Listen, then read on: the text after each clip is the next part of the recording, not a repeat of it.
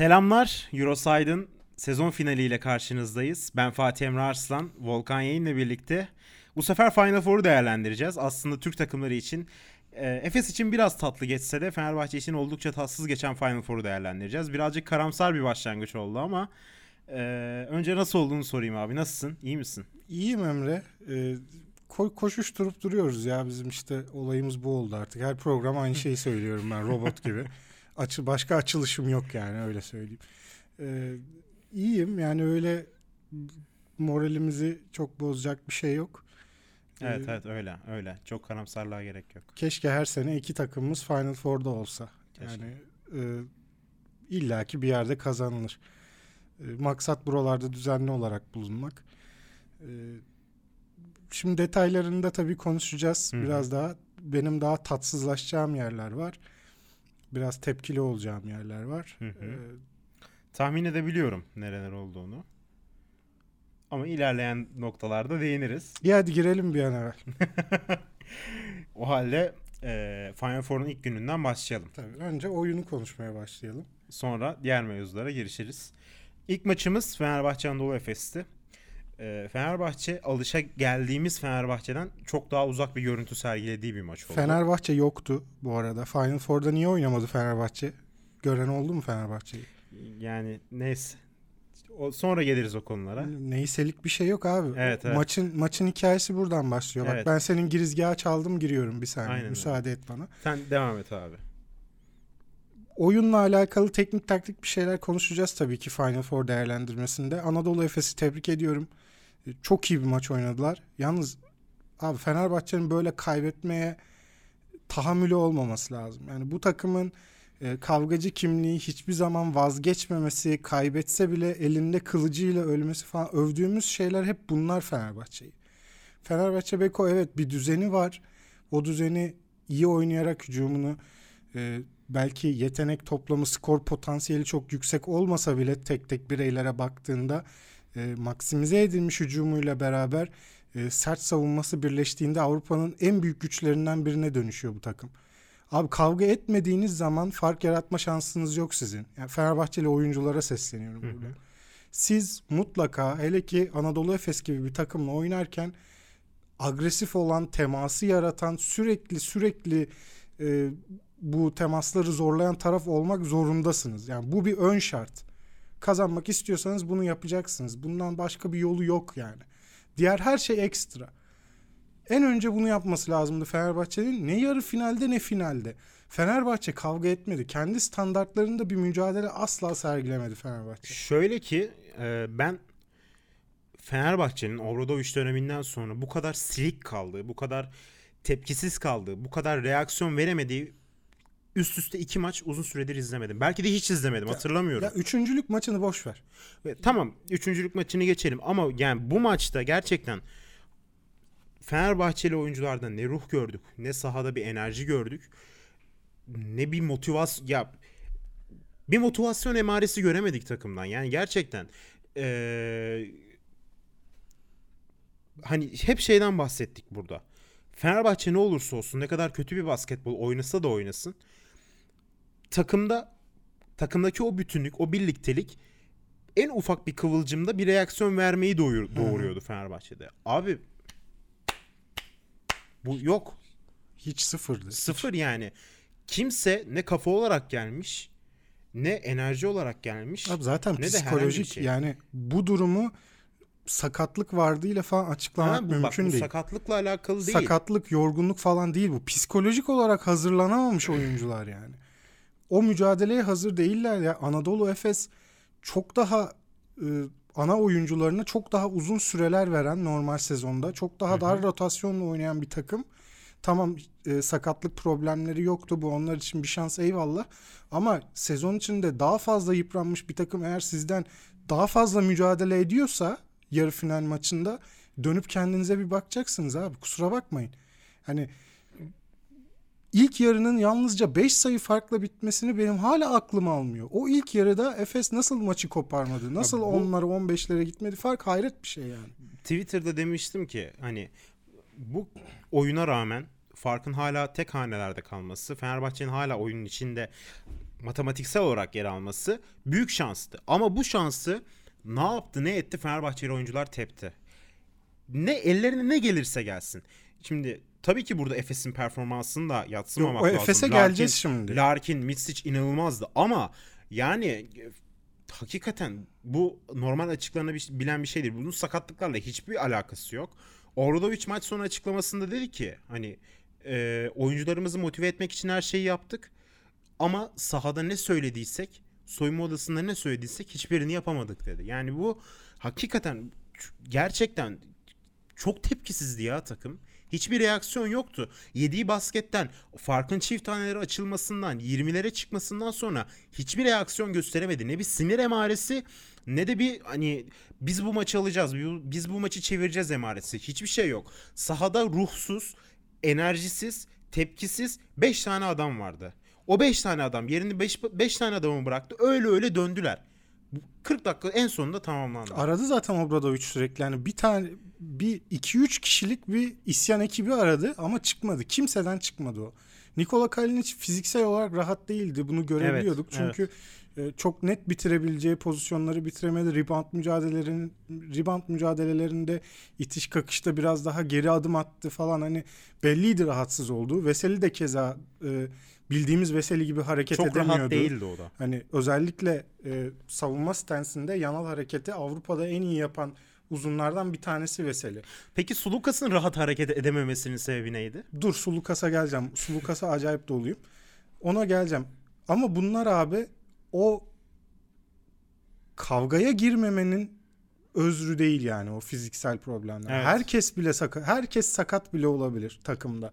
Ki herkesin ufak tefek sıkıntıları vardır. Birinin bileği burkulmuştur, birinin tırnağı kırılmıştır.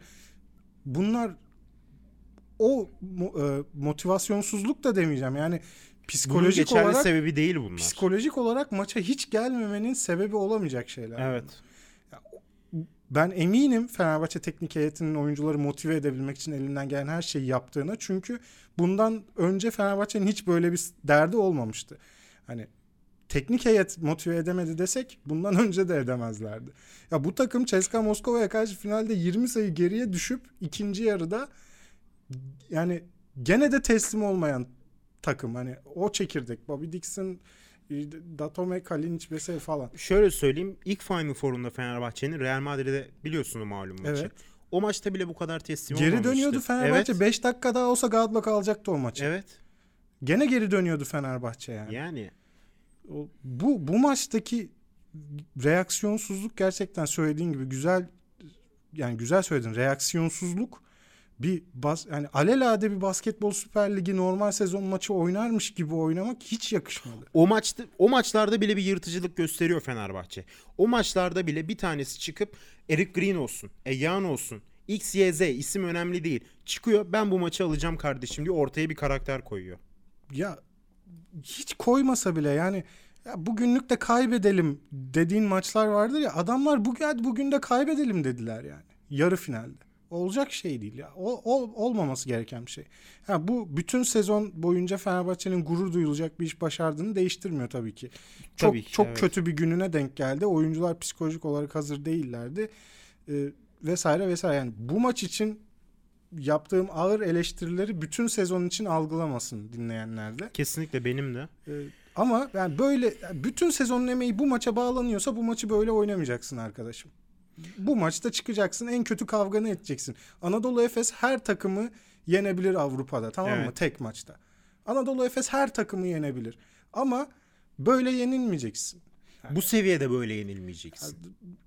Bu Tek- seviyesi yok gerçi bunun. Her seviyede böyle yenilmemen Ay- lazım. Sen Fenerbahçe'ysen bu şekilde yenilmemen gerekiyor. Ha bir de bu takımın kurgusu mücadele gücü üzerineyse hani teknik disiplin, fiziksel güç, büyüklük ve mücadele üzerineyse böyle kaybetmez abi Fenerbahçe. Evet. Fenerbahçe'nin şutu hiç girmez tamam mı? %12 ile üçlük atar. Bomboş turnikeler kaçırır falan. Hücum hiç işlemez. Kaybeder Fenerbahçe. 20 fark yer anlarım.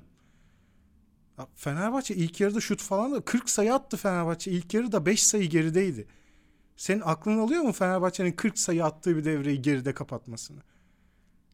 Kapatmaması lazım. Neyse şimdi Anadolu Efes tarafına biraz geçelim istersen. Evet, geçelim. Orada ben bir topu alayım senden. Tabii. Larkin, Larkin, Larkin abi. Baba sen bize ne izlettin be?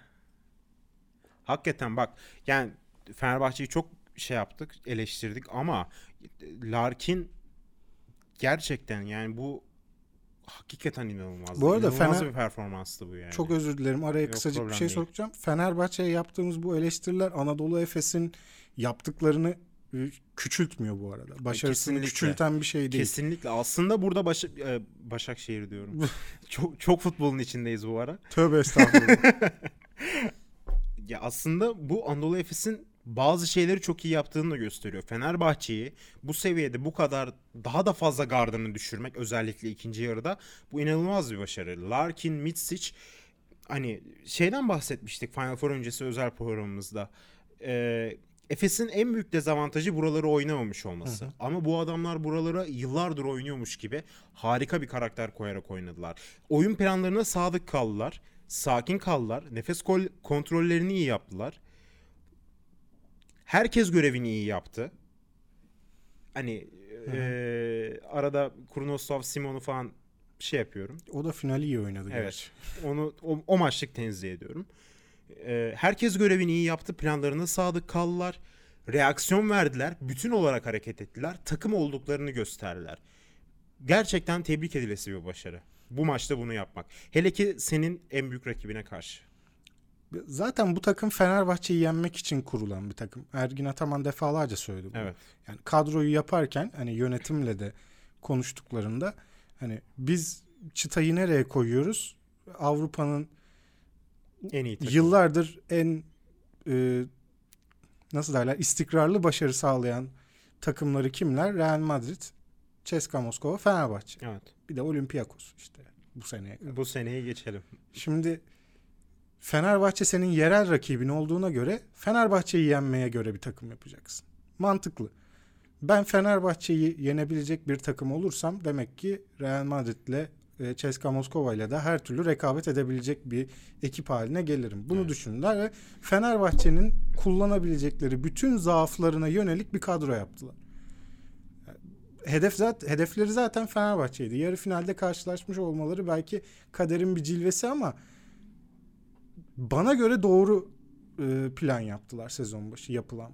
Hani Larkin'in transfer edilmesi falan e, ya da 4 numarada yalnızca şütör değil fiziki mücadeleye de girebilen takıma karakter verebilen Muarman'ın seçilmesi bunlar yani şey değil tesadüfen yaşanmış şeyler değil. Larkin gibi Boboa gibi birebircilerin Yazın, getirilmesi yazın falan. planlamayı çok iyi yaptılar ama sezon içinde de bu plana çok sadık kaldılar ve bunun üstüne koymaya da başardılar. Larkin'i yazın bedenen transfer ettiler ama kafa olarak Larkin sezon ortasında geldi. Ya o birazcık Larkin çok kötü oyun yani Larkin'in çok kötü olduğu herkesin eleştirdiği gönderin lan bunu falan Efeslilerin öyle tepkiler gösterdiği dönemlerde de şunu söyledim. İyi basketbolcuyu bir şekilde yedirirsin sistemin içine. Ya abi adamın hiçbir düzene falan ihtiyacı yok. Çok iyi basketbolcu. Karşısında hiçbir şekilde kalamıyorsun bir kere. Muazzam delici. E, dripling üstünden lapur lupur şut atıyor ki günümüz oyununun en büyük tehdidi dripling üstü üçlük. Çünkü pick and roll oynuyorsun ya da birebir oynuyorsun. Rakip savunmacıyı sana yakın tutuyor. Dripling üstünden üçlük atabiliyorsan. Sadece sabit şutörsen mesela senin yönlendirdiğin ikili oyunda verirler mesafeyi savunurlar. Danny Green mesela Toronto'da arada pick and roll oynuyor. Umrunda değil Milwaukee'nin. Bırakıyorlar. Atamıyor dripling üstünden çünkü. Ama dripling üstünden şut sokabiliyorsanız çok acayip ekstra ikincil tehditler yaratıyorsunuz. Sağınızı solunuza e, alan daraltması gerekiyor rakibin. Bu sefer dışarıda şütörleri bulabiliyorsunuz. Potaya daha kolay gidebiliyorsunuz vesaire. Şimdi tam Fenerbahçe'ye göre kurulmuş bir kadro. Orada bir kere çek. Başardılar yani onu. İkincisi yaptıkları plan evet Fenerbahçe'nin bütün zaaflarını ortaya çıkarabilecek bir plan. Ee, çok komplike setler hiç oynamadı Anadolu Efes mesela bu yarı final maçında. Dikkat edin. Bir tek James Anderson'ın aşağıdan Dunstan'ın perdesinden çıkıp tepeden üçlük attığı bir set var. Bir tek onu oynadılar.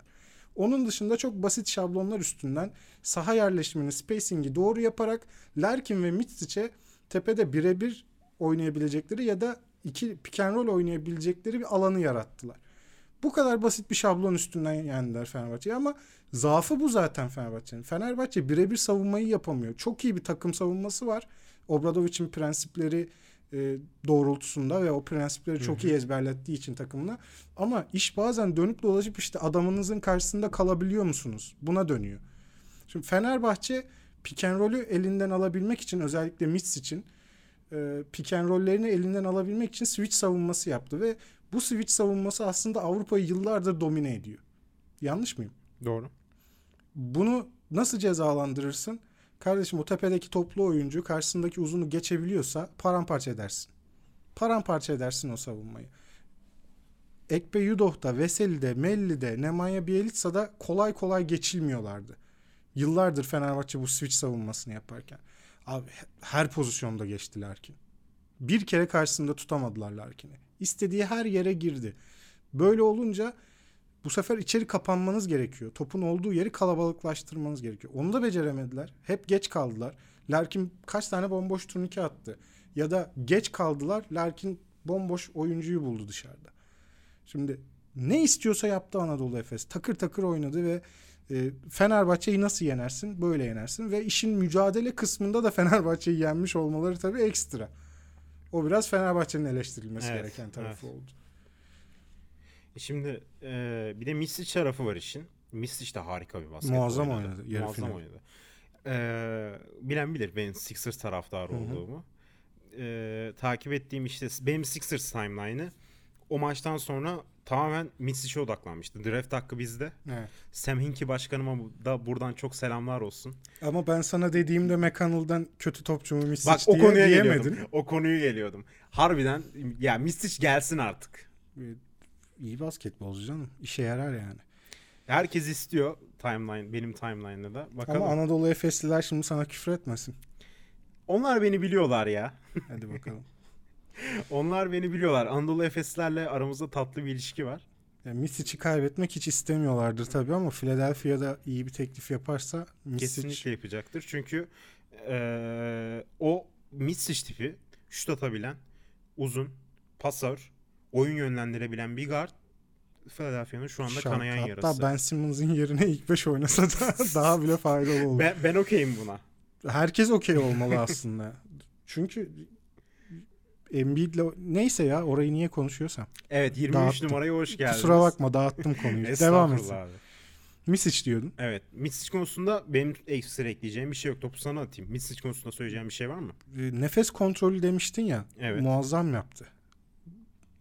Larkin'in önüne hiç çıkmadı bir kere. Evet. Baktı ki adam akıyor ki zaten Ergin Ataman'ın da ana planı Shane Larkin'in Shane Larkin'in deliciliği ve skor tehdidi üzerinden şekillenen bir plan. O planın önüne hiç çıkmadı bir kere. Bunu normal sezonda daha önce birkaç defa yaptı. Larkin'in iyi oynadığı, ritim bulduğu dönemlerde biraz topu fazla domine ettiği, fazla sorumluluk almaya çalıştığı yerler olmuştu.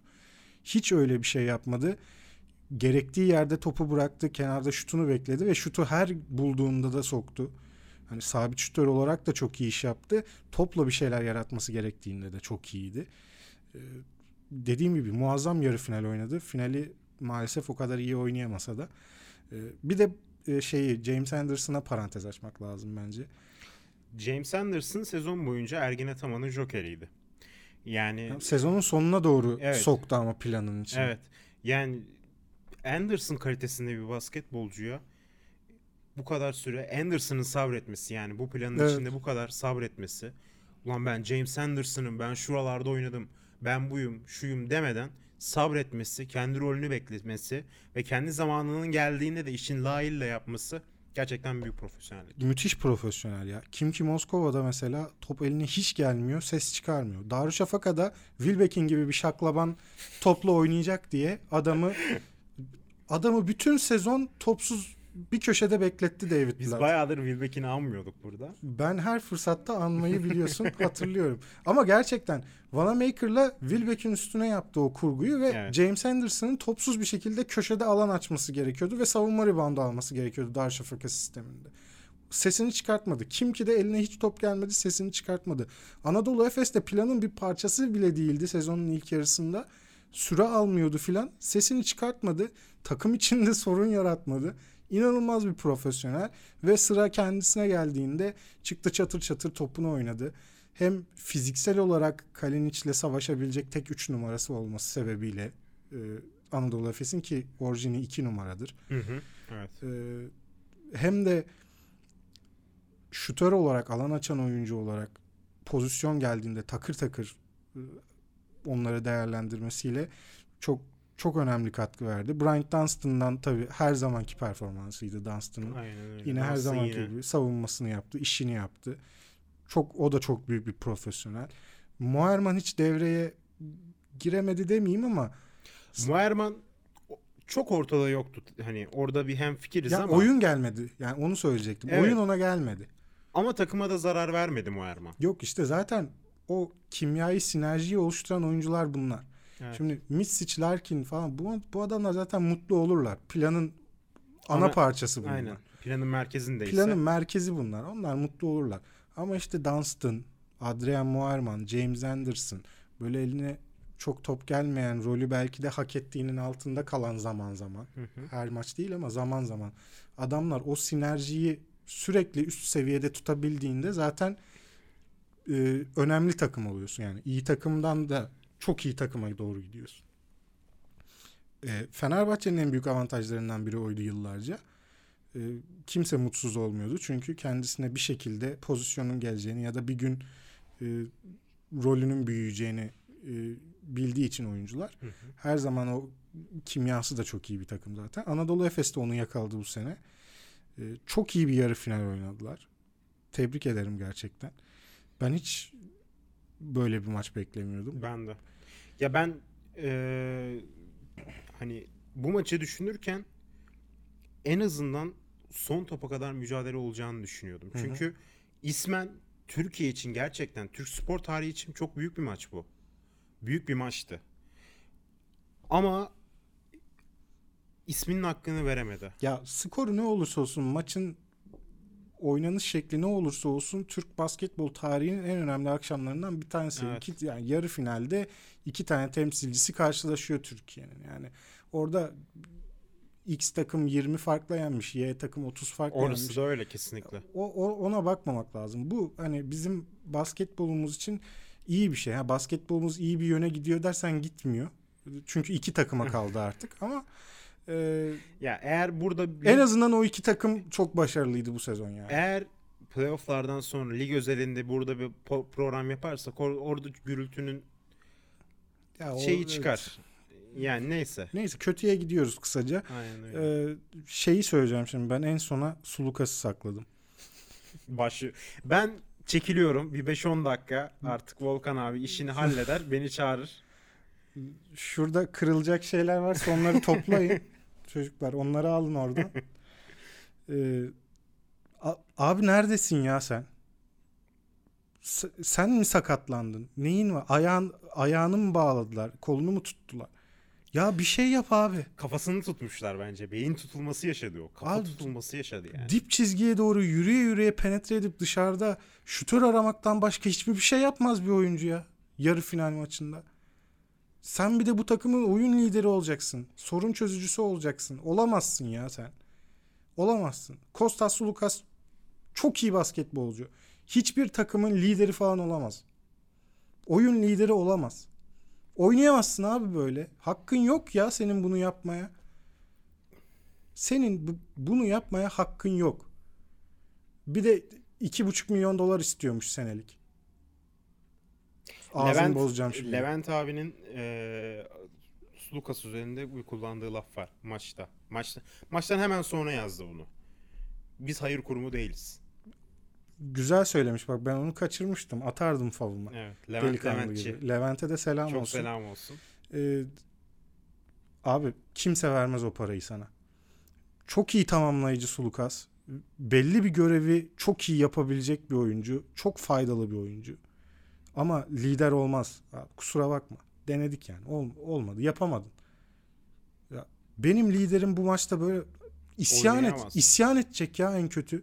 İsyan edecek İçine yani. kapanamaz abi. Ya- Küsemez. Bobby Dixon bile dedi ki ya benim bu adamları geçip turnike atmam lazım Abi ki bak- hiç bak- yaptığı şey değil. Bak Bobby Dixon kenara geldiğinde suratı asıldı. Bir reaksiyon vermeye çalıştı. Havluyu mavluyu vurdu. Bak- bu adam niye böyle ya? Bu adam hani bu bu takımı Fenerbahçe'nin liderinin böyle oynanan bir maçta bu kadar tepkisiz kalmasına ben sinirleniyorum. Ya gamsızlık bu artık. Oyna bak oynayamazsın gününde değilsindir oynayamazsın çok kötüsündür ama sahada bir reaksiyon vermeye çalışırsın alternatifler üretmeye çalışırsın tek bir şeye bağlı kalmazsın kendi yeteneklerinin farkındasın ama bu yetenekleri iyi kullanamıyorsun Ya abi yeteneklerini kullanma mevzusu da değil. Yani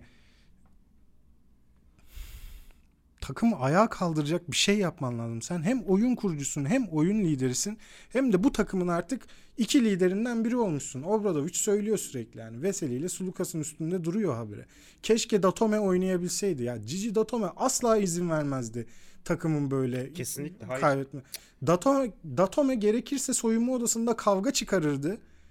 Gene de bu, bu takımın böyle yenilmesine izin vermezdi. Ya Evet. abi yapmayın ya. Ya Sul, ben Sulukas'ı kimse benim kadar sevmesin. Bugüne kadar en çok savunan adam da benimdir. Ama lider olmayacak abi Sulukas'tan. Yani belli bir tamamlayıcı olarak, önemli bir tamamlayıcı olarak kalacaksa kalsın. Ama bizim oyun liderimiz olacak, bizim sorun çözücümüz olacak diyeceksek kalmasın abi Sulukas. Olmaz yani. Jalgiris, Jalgiris serisinin ikinci maçı gibi oynuyor takım.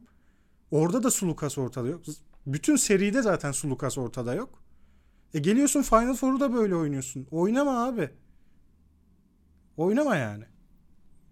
Ben katlanamıyorum. Bobby Dixon bile çembere gitmeye çalışıyor. Bryant Dunstan'ın üstüne gitmeye çalışıyor. Larkin'e baskı yapmaya çalışıyor ki Dixon'ın artık Larkin'e baskı yapabilecek çabukluğu falan hiç yok. Adam 36 yaşına geldi zaten. 35 mi? 36'ya 35, geldi. 35 de şu an Ya, oldum bilmiyorum ya onun gösterdiği şeyi göster bari ya. Ya bu kadar savunmada kolay geçileceksin. Hücumda hiçbir sıkıntı yaşatmayacaksın. Efes'e falan. Bu- Buna hakkın yok ve böyle bir liderlik olmaz. Ya benim gerçekten en çok ağrıma giden Sulukas'ın performansı oldu. Yani Veseli bile orta mesafe şutlarla falan bir sorumluluk almaya çalıştı. ki rahat değildi Veseli bak her halinden belliydi Yok sahada. canım hiç rahat değildi zaten. O savunma stensinde yana kayamamasından anla. Veseli onu paten varmış gibi yapıyor ayağında normalde. Ağır yani gitmiyor ya belli. Adam adamın rahatsızlığı var.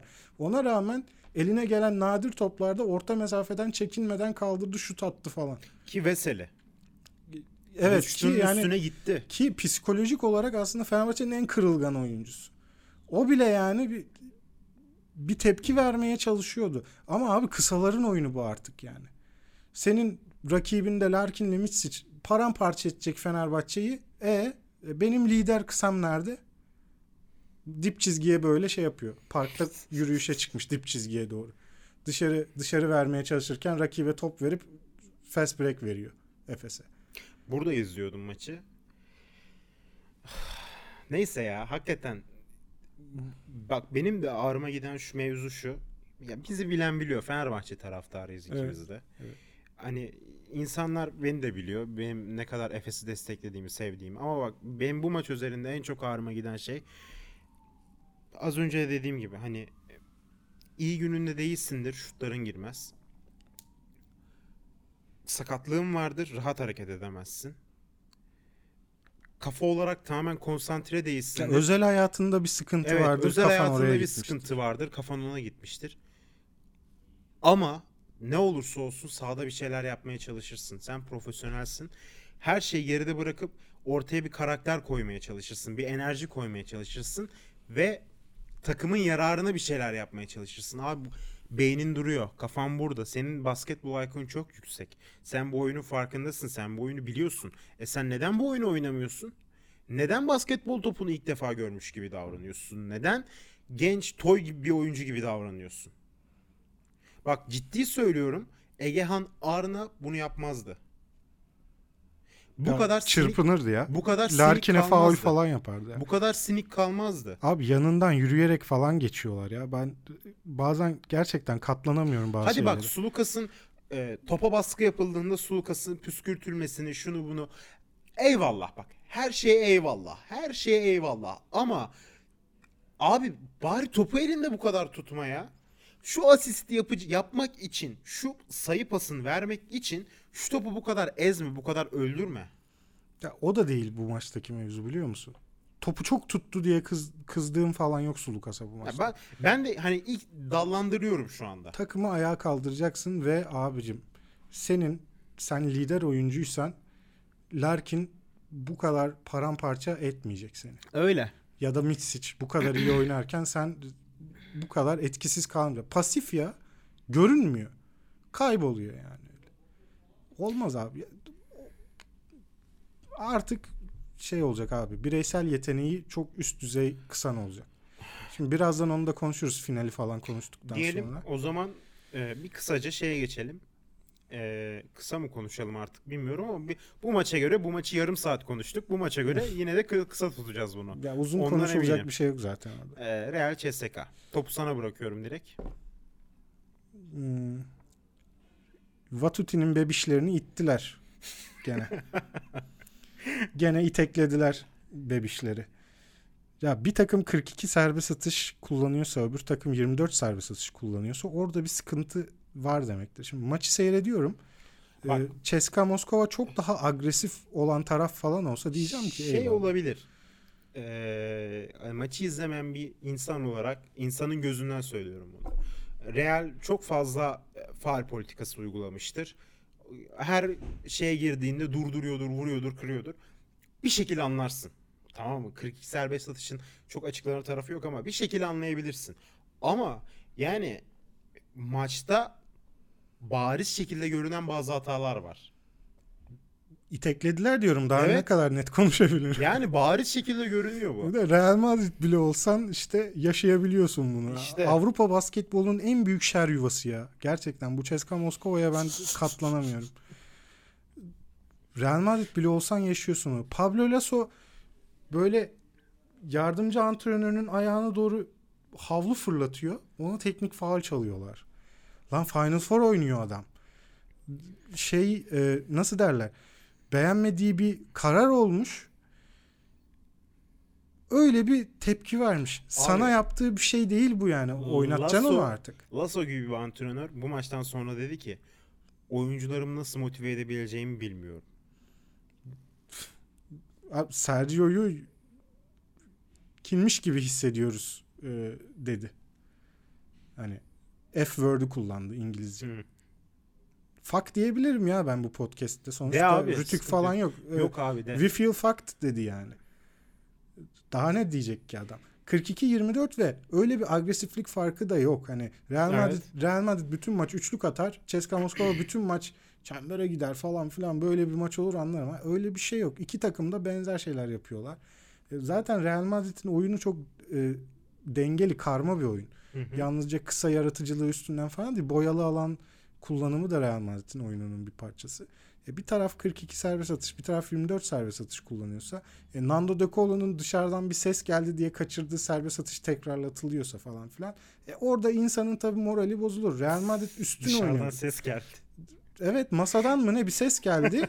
kaçırdı De Colo. Demek ki tribünden bir ses gelse onu da tekrarlatacaklar. Neyse Elektrik yoktu ödevimi yapamadım. e, Real Madrid üstün oynuyordu bu arada. Real Madrid kaza- Evet. kazanıyordu maçı. Evet. Bu- ilk yarıyı gayet üstün oynadılar. Gene 11 sayı mı ne öndelerdi bu Evet. Dekolo'nun serbest atış tekrarı mevzusundan önce. O Lasso'nun teknik faulü, Dekolo e, ondan sonra bir de Campazzo'nun suratına top vuruyor Dekolo. Faulü Campazzo'ya çalıyorlar falan. o maçın hakemleri pozisyon kimin hatırlıyor musun? La Yok. Monica değildi. Yok Monica La Monica bizdeydi. bizim maçtaydı. Ee, şeydi. Hatırlamadım ya. Ama şey ilginç geldi bana. Daha önce üst düzey bir maçta görmemiştim. Ee, hanımefendi. Evet. İsmi neydi? O Sanırım e, Final Four'da görev yapan ilk e, ilk kadın hakem Evet. olabilir. evet. Tebrik ederim kendisini ve e, kadınların tabii ki hakemlikte de e, ön plana çıkması lazım ama sanki hazır olmadığı bir işe kendisini şey yapmış gibilerdi. Bunu aa, cinsiyetçiliğe vuracaklar şimdi bak nasıl tehlikeli yere geldim biliyor musun? Hayır. Kötü hakemlik yaptı. Nasıl kötü yere sürükledim. Kadın olduğu için değil, hakem olduğu için söylüyorum. Kötü kötüydü. Hiç önemli değil. Yani, Ee, Bahadır İzgeç'ten ufak bir selam aldık. Bahadır İzgeç selam verdi. Ee, kötü hakemlik yaptı onu söylüyorum sadece. Ee, bunun dışında tabii ki e, Dekolo'nun, Corey Higgins'in serbest atışları da hiç kaçırmaması da önemli. Tamam 42 tane atıyorlar ama e, özellikle bizim takımlarımızın böyle hastalıkları çok oluyor biliyorsun. Serbest atış sokamamak gibi. Bu adamların hiç öyle bir derdi yok. Finalde de soktular. Patır kütür. E, hiç gözünü kapatsan gene atacaklar gibi atıyorlar. De Colo'da Higgins'te özellikle. E, onun dışında yarı final maçıyla ilgili söylemek isteyeceğim çok fazla. Ya Sergio'yu büyük sattı.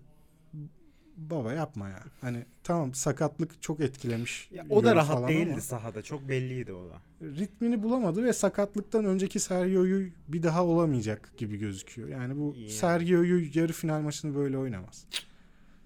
Şeyin 2017'de İstanbul'daki Final Four'da Fenerbahçe Real Madrid'i yenerken Yuyun ne kadar e, kendini parçaladığını falan hatırlıyorsun. Gözaltı torbaları çıkmıştı Evet. maç sonunda falan. Kıpkırmızıydı abi. Terden değil sinirden yani. Tek Sinirden tek başına tek başına oynuyordu bir de yani. Gene de tutmuştu oyunda. Şimdi o Sergio'yu artık yok belli ki. Ee, Çok da normal. Yaşadığı kolay bir sakatlık değil. gerçekten değil ama beklenenden de uzun sürdü toparlanma süreci artık ikinci ya yıl. onun üstüne bir daha sakatlandı. Ufak tefek sakatlıkları da oldu. Yani Yuy biraz daha istikrarlı oynayabilseydi 8'de bir üçlük attı galiba ki soktuğu üçlük de o fark 4 sayıyken mola dönüşü saçma sapan o mandalina şut dedikleri gene. İşte Sergio Yuş'tu. Sergio'yu üçlüyor yani deyince anlaşılıyor zaten ne oldu. Soktuğu tek üçlük de oydu. E, Biraz daha iyi bir maç oynayabilseydi 42 serbest atışa rağmen kazanacaktır Real Madrid. evet. Ama olmadı. Benim başka söyleyecek bir şeyim yok. Ee, Diyelim finale geçelim. Üçüncülük maçını konuşmaya çok gerek yok. Bu maçı kaldırın. Abi artık. Bak oyun bak e, oyuncular için bu maçı oynaması çok zor. İki gün önce yenilmişsin. Kupa hayali gelerek kupa hayali kurarak buraya geliyorsun. İki gün önce yenilmişsin. Teselli ikramiyesi olarak bu maça çıkıyorsun. Bunun oyuncunun psikolojisi, psikolojisi açısından durumu çok zor. Hani ve gerçekten hani sadece reyting için bu maçı koymayın. Kimse de izlemiyor. Ya kimse izlemiyor. de bu maçı İzlense- kimse de bu maçı isteyerek izlemiyor. İzlense bir şey demeyeceğim ya salonda bile. Yani Fenerbahçe taraftarı çok önceden bilet almamış olsa gidip izlemez o maçı. Evet. Para verdik bari gidelim falan yani. Televizyon ben televizyon açıp televizyondan izlemedim ya bu maçı. Bak mecburiyetten izledim. Dodeka'ya tweet atmak için. Ben izlemedim ya düşün. ya her şeyi geçtim. Ya Eric Green sakatlandı işte. işte bak. Ne gerek var ki? Zaten fikstürü sıkıştırdınız, sıkıştırdınız, sıkıştırdınız. Yani oyuncuların bu maçı zaten psikolojik olarak bir saldığın zaman sakatlık ihtimali de artıyor. Evet. Ya oynatmayın ne gerek var ya? Ne gerek var yani? Aynen E, gitti öyle. Eric Green işte. Telef oldu çocuk yazık. Ve iyi de bir Final Four geçirdi. Kendi standartlarına Yani yarı finali beklediğimize göre. özellikle ilk çeyreği iyi oynamıştı mesela. İlk yarı, ilk çeyrek mi? İlk yarı mı? 7 sayı attı. İlk çeyrek 7 sayı atmıştı. İşte.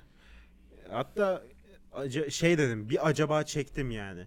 Acaba şimdi şapkadan green mi çıktı? Ha işte onun maçı mıydı dedik Ha. hepimiz. Zaten bir, işte bir parmak bal çaldı gitti. bir ara Green, bir ara Guduric hani falan böyle ufak tefek bir bakmışın 40 sayıya ulaşmış Fenerbahçe. O garip garip bir maçtı yani. Yani Fenerbahçe'nin aynen 40 öyle. atıp geride olması falan. Neyse. Finale Final. geçelim.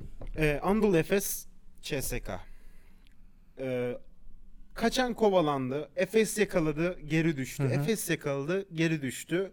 Ama sonunda bizi üzen şey oldu. CSK kazandı. Bize özen başka şeyler de oldu. Türk basketbolunda böyle bir seviyede olmaması gereken birkaç hadise yaşandı. Bu tatsız konular. Bu konuya girecek miyiz bilmiyorum. Konuşmak ister misin onu da bilmiyorum. Konuşmak istiyorsan konuşalım. Ben bu konuyla alakalı lafımı zaten sosyal medyada Ya da sakınmıyorum. ben- Sıkıntı değil. Küfür hakaret olmadığı sürece tribünden gelen hiçbir tepkiye dönüp cevap veremezsin abi. Ya küfür hakareti de geçtim bak. Hani ne olur ne olursa olsun bu seviyede bence Ergin bak Ergin hocayı en belki de en çok seven Fenerbahçeliyim. Ama Ergin hocanın yani şu huyu gerçekten o kadar sevmiyorum ki. Ya abi tribüne cevap verme ya. Tribünle Cevap değil yaşama. dönüp annelerine küfrediyor bu arada. Yani cevap Ya evet yani hani bu tam bak tribüne hiçbir reaksiyon vermemen gerekiyor ama tribüne küfretmemen hiç gerekmiyor yani. Ve bu bak o kadar kameranın olduğu yerde Final Four gibi bir yerde hiçbir yere kameraya takılmaman imkansız. ya takılmaz kaçsa ne olacak ki? Yani son ya sonuçta Bak- yaşanmış Bak hadise. şöyle bir şey söyleyeceğim sana. Geçmişte yaşanan şeyler yüzünden Fenerbahçe taraftarıyla Ergin Ataman'ın arası hiçbir zaman iyi olmayacak. Bunu artık Evet. kabullenmek lazım. O anda da canını yakmak istediler Ergin Ataman'ın. Yanlış mıyım? Öyle. Yani orada e, ben daha daha erken yapmalarını bekliyordum hatta. Açıkça söyleyeyim. Hani acaba maç içinde yapıp kafası oraya gider falan diye hani böyle konsantrasyonunu bozmak için yaparlar mı falan diye de çekindim bir an. Çünkü maçı etkileyebilecek bir şey olurdu. Yani Aksine maçı- Fenerbahçe taraftarı gayet de desteklemiş. yani maçın skoru belli olduktan sonra böyle bir şey oldu ki orada bir küfür ya da hakaret yok. O bir Ergin Ataman protestosu. Ha bu gereklidir, gereksizdir. Oraya giden adamın bileceği iş artık. Onu da kilometrelerce yol gitmiş cebinden, zamanından, cebindeki paradan, zamanından ayırmış adama da orada ne yapacağını ben söylemeyeyim. Abi dönüp annesine falan küfretmeyeceksin insanların. Jayko Obradovic Kızıl Yıldız deplasmanında nasıl bir maç yaşadı sen biliyorsun. Hepimiz gördük. Euroleague maçıydı hem de. Bütün maç küfür yedi. Olympiakos deplasmanında bütün maç küfür yiyor. Obradovic de yiyor. David Blatt'a da oluyor. Yani David Blatt'ın e, Maccabi'de çalıştığı dönem işte Yahudi olmasıyla alakalı bile yani böyle ırkçı şeyler falan da e, gördüğünü biliyoruz. Hiçbiri dönüp cevap vermez. E bir de şeye bakmamız lazım. Niye böyle bir şey senin başına geliyor? Yani neden ya? Geçmişte o kadar çok nefret tohumu ektin ki bundan sonra düzelmesi mümkün değil. Gerek var mıydı? Vardı ya da yoktu. Oldu. Oluyor. Çünkü geçmişte yaşananlar yüzünden. Şimdi küfür molasını ben almadım zamanında. Bir sürü şey. Bir sürü bir sürü şey. Ufuk Sarıca yenmedi mi Fenerbahçe'yi? Ufuk Sarıca Fenerbahçe'yi yenmedi mi? Yendi. Şampiyonluk almadı mı Fenerbahçe'den aldı. Oktay Mahmudi yenmedi mi Fenerbahçe'yi yendi. Bir sürü koç var. Bir sürü e, takım var Fenerbahçe'yi yenen falan. Bu sadece e, bir takımı yenmek, yenilmek mevzusu değil. Hani canını yakmak için ekstra şeyler oldu daha önce Ergin Ataman tarafından. E, o, o zaman o taraftar da gidip Ergin Ataman'ın canını yakmak için her fırsatı kollayacak. Yani maalesef bu böyle bir nefret ortamı içerisinde geçtiği için bunlar yaşanıyor. Öyle diyelim. Yani olmaması gereken, cidden olmaması gereken tatsız bir olay. Yani eee basketbolu konuşmamız gerekirken bu seviyede böyle tarihi bir Final Four'da bunu konuşmamamız gerekiyordu. Ne diyelim yani olmadı. Yakışmadı. Diyelim devam edelim Ya maça. bir de şunu söyleyeceğim. Hı. Bütün dünyaya rezil olduk mevzusu var ya. Bütün Hı dünyada bu iş böyledir. O kadar da kendimizi öyle öyle. şey Orası öyle. görmeyelim. Orası öyle. İngiltere'sinden İtalya'sına, İspanya'sına kadar bu işler hep böyle. Her ülkede bunlar oluyor. Ee, şeyin de hani sınırını da kaçırmamak lazım bizi rezil ettiniz falan. Sanki Avrupa'daki reputasyonumuz çok yüksekmiş gibi. Bununla bozulmuş gibi. Ee, Bu, bu, bu olay yüzünden Avrupa Birliği'ne alınmıyormuşuz. aynen. Avrupa- Neyse, neyse siyasi yazmayalım. Bir arada şey vardı ya kokoreç yiyorsunuz diye almıyorlar falan o şekilde. Sen hatırlıyor musun o günleri bilmiyorum böyle 90'ların Bak, yine, sonu Yine mevzu benim yaşıma geldiyse burada. 90'ların sonunda falan vardı o muhabbet oğlum onun için söylüyorum yoksa şey değil. Ee, maça gelecek olursak Evet. Abi maç hakkında yani e, şöyle ki Larkin yine sakatlığına rağmen ufak bir sakatlığı vardı Larkin'in bu maçta. Sakatlığına rağmen gayet iyi bir maç çıkardı. Ama Mitsic ilk maçtaki performansından epey uzaktı. Hı hı. O ritminden epey uzaktı. İşte e, Larkin'e destek gelecek mi? Larkin Larkin, Larkin, Larkin. Tamamen maçın özeti Larkin'de Efes adına. Yani Larkin bunu yapacak mı? Larkin alıyor mu? Larkin gidiyor mu? Larkin vuracak mı içeri? Larkin içeride bırakacak mı? Larkin nereye zıplayacak? iş buraya kadar gitti. Yani Larkin, Larkin, Larkin. Biraz tek kaldı diyorsun kısaca. Evet. Doğru, katılıyorum sana. E, Mitch için maçı kötü oynaması tabii ki Anadolu Efes için iyi olmadı. Buna şey diyor e, bizim büyükler. Şerbetlenmek diyorlar. Biz geçen gün şeyi kullanmıştık ya. e, Evet. Real Madrid'de Evet, Real Madrid Nocioni ve Reis için falan. Hı hı. Bu arada Nocioni verdi kupayı da. Geldi yine tipini e, tarzı. Gör- görür görmez kahkaha patlattım. Evet yani şey pek sevilecek biri değil ama sonuçta Avrupa basketbolu için önemli bir figür. Evet. Ee, şeyi kullanmıştık işte kaşarlanmak kelimesini Hı kullanmıştık. hı. Ondan sonra şey geldi aklıma keşke onu söyleseydik şerbetlenmek Şer- hani şey olur eskiler bize şey derdi mesela bir kavga etmiş biri dayak yemiş bir çocuk boş Hı hı. ver şerbetlensin bir şey olmaz falan derlerdi.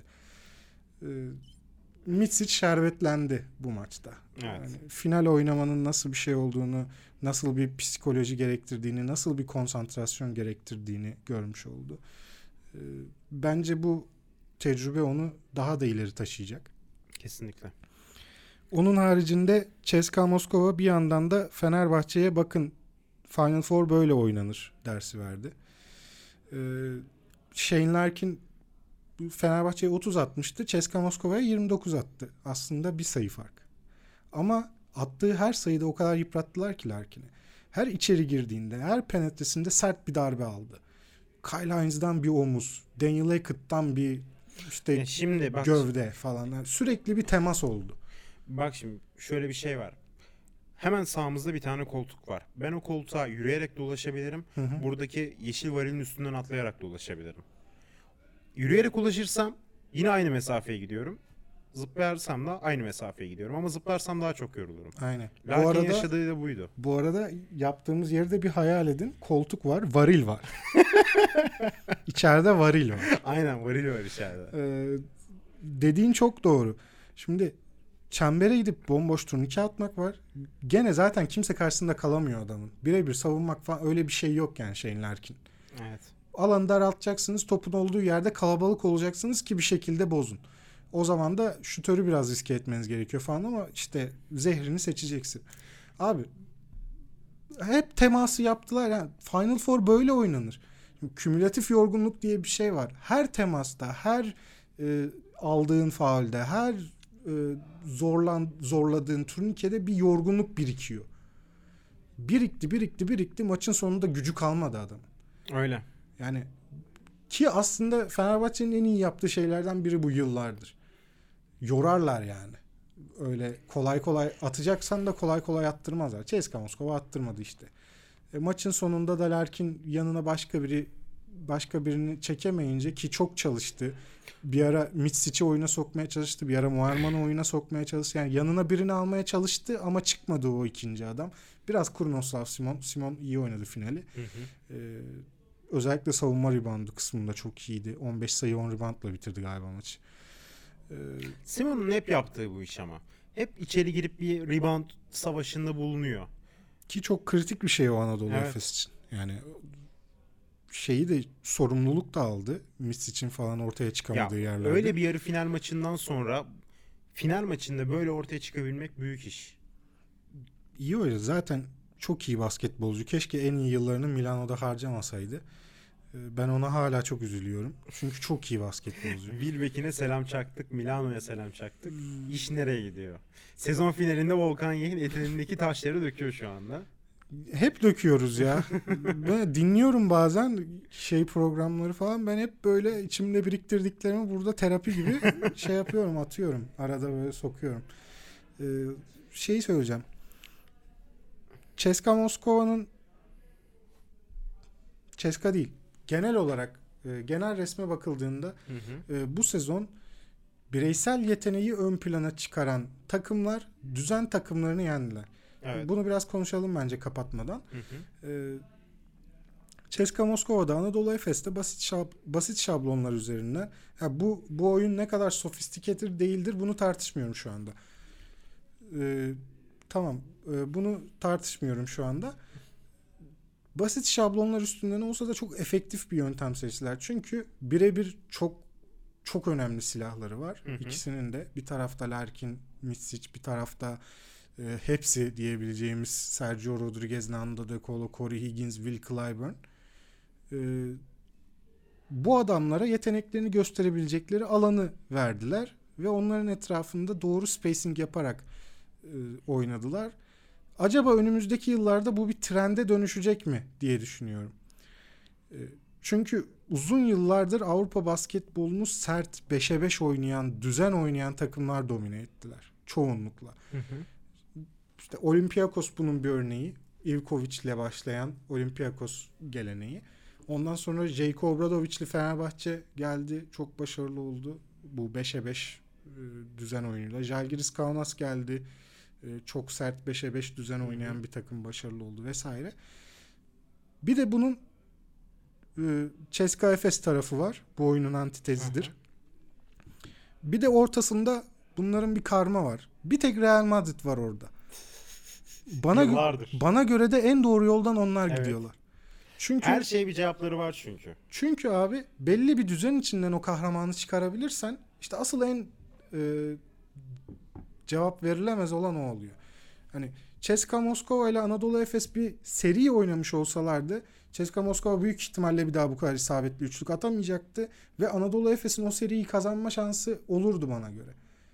Şimdi tek maça kıyasla seri Ya oynamış tek olsa. ma- bak şimdi tek maç üzerinde konuşu- konuşuyoruz hani bu kadar iyi şut atan, bu kadar iyi savunan, maçın içinde bu kadar olan, konsantre olan, motive olan bir CSK'ya karşı ne kadar iyi gününde olursan ol, ne kadar cevabın olursa olsun, ne kadar silahın olursa olsun hani çok da yapabileceğin bir şeyin yok. Ne kadar silahın olursa olsun değil. O kadar silahın olursa cevap verebiliyorsun. Aynen öyle Hani işte. kimse de o kadar bireysel silah yok çünkü. Bireysel yetenek Yani o yok. kadar bireysel silah da dökersen işin içine. Ee, hani başka bir şey oynayarak yenebilirdin ama CSKA Moskova da acayip üçlük soktu ya. Hani Anadolu Efes tarafının şeyini de anlayabiliyorum yani. Çok ekstra soktular. Will Clyburn falan hiç kaçırmadan attı uzun süre. 4, 4'te 3 mü attı? 5'te 4 mü attı? Öyle bir şey attı. Öyle bir şey. Higgins, Dekola falan hepsi iyi günündelerdi. Ee, Zaten ulaştıkları skor da göz önüne seriyor bu olayı.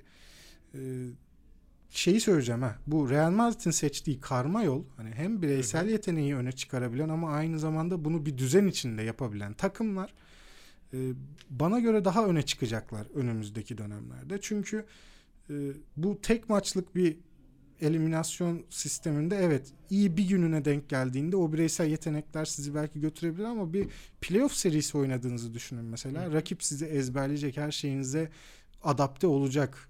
Uzun uzun uzun uzun sürekli bir grind grind grind olacak ve e, ondan sonra bireysel yetenek yetmeyebilir size.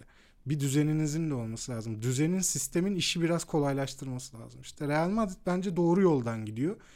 Şimdi bu iki kutup da Efes Ceska tarafı da Olympiakos eski Olympiakos Fenerbahçe tarafı da bence biraz prensiplerinden ödün verip şu Real Madrid tarafına yaklaşmalı bence. Bu karma basketbol tarafına yaklaşmalı.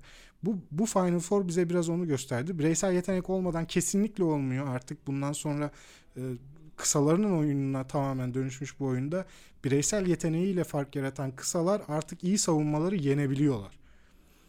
Biz artık bireysel yeteneği biraz kenara atacağız ama daha sert bir takım bitti. Ö- Onunla gelmiyor artık. Ki e, Fenerbahçe bunu tamamen kenara atmış bir takım da değil. Bogdan Bogdanovic, Ekpe Yuduhu falan yani bireysel kahramanlıkları da çok vardı Fenerbahçe'nin. Bu sezon bu sezonki kadroda bence onu biraz göz ardı ettiler. E, oraya tekrar odaklanmaları, biraz daha bireysel yeteneği e, üst seviyeye çekmeleri lazım kadro yaparken diye düşünüyorum.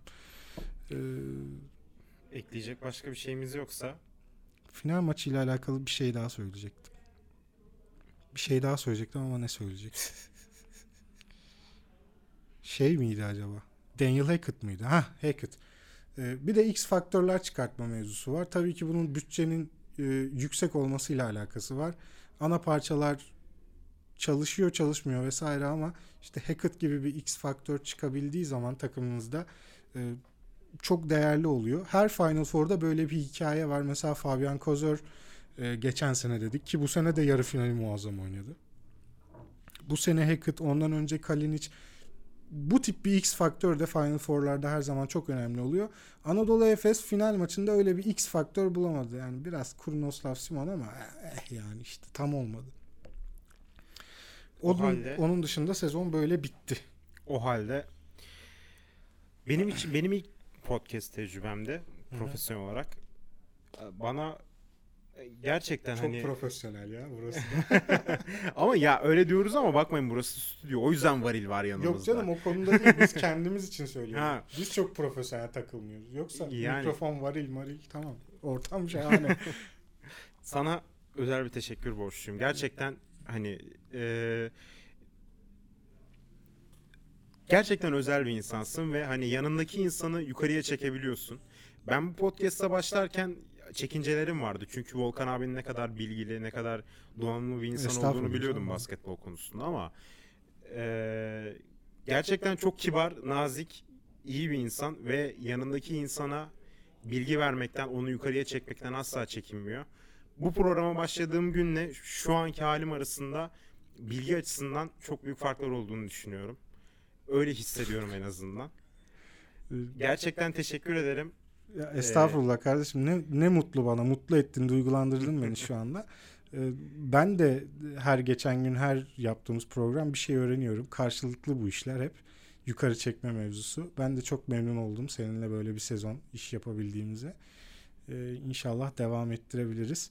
İnşallah. Ee, Biz çok keyif aldık. İnşallah dinlerken de e, güzel, keyifli e, gelmiştir insanlara. Umarız e, gününüze bu sezonluk e, gelecek sezonda devam etmek üzere tabii umarım. E, ağzınıza bir parmak pal çalabilmişizdir. Pal mı? Pal. bir parmak pal çalabilmişizdir. E, biz dinlediğiniz için çok teşekkür ederiz. Önümüzdeki sezon transferlerle artık sezonu açarız diye düşünüyorum. Biz dinlediğiniz için tekrar çok teşekkürler. E, görüşmek üzere. Kendinize iyi bakın. İyi bakın kendinize. Hoşçakalın.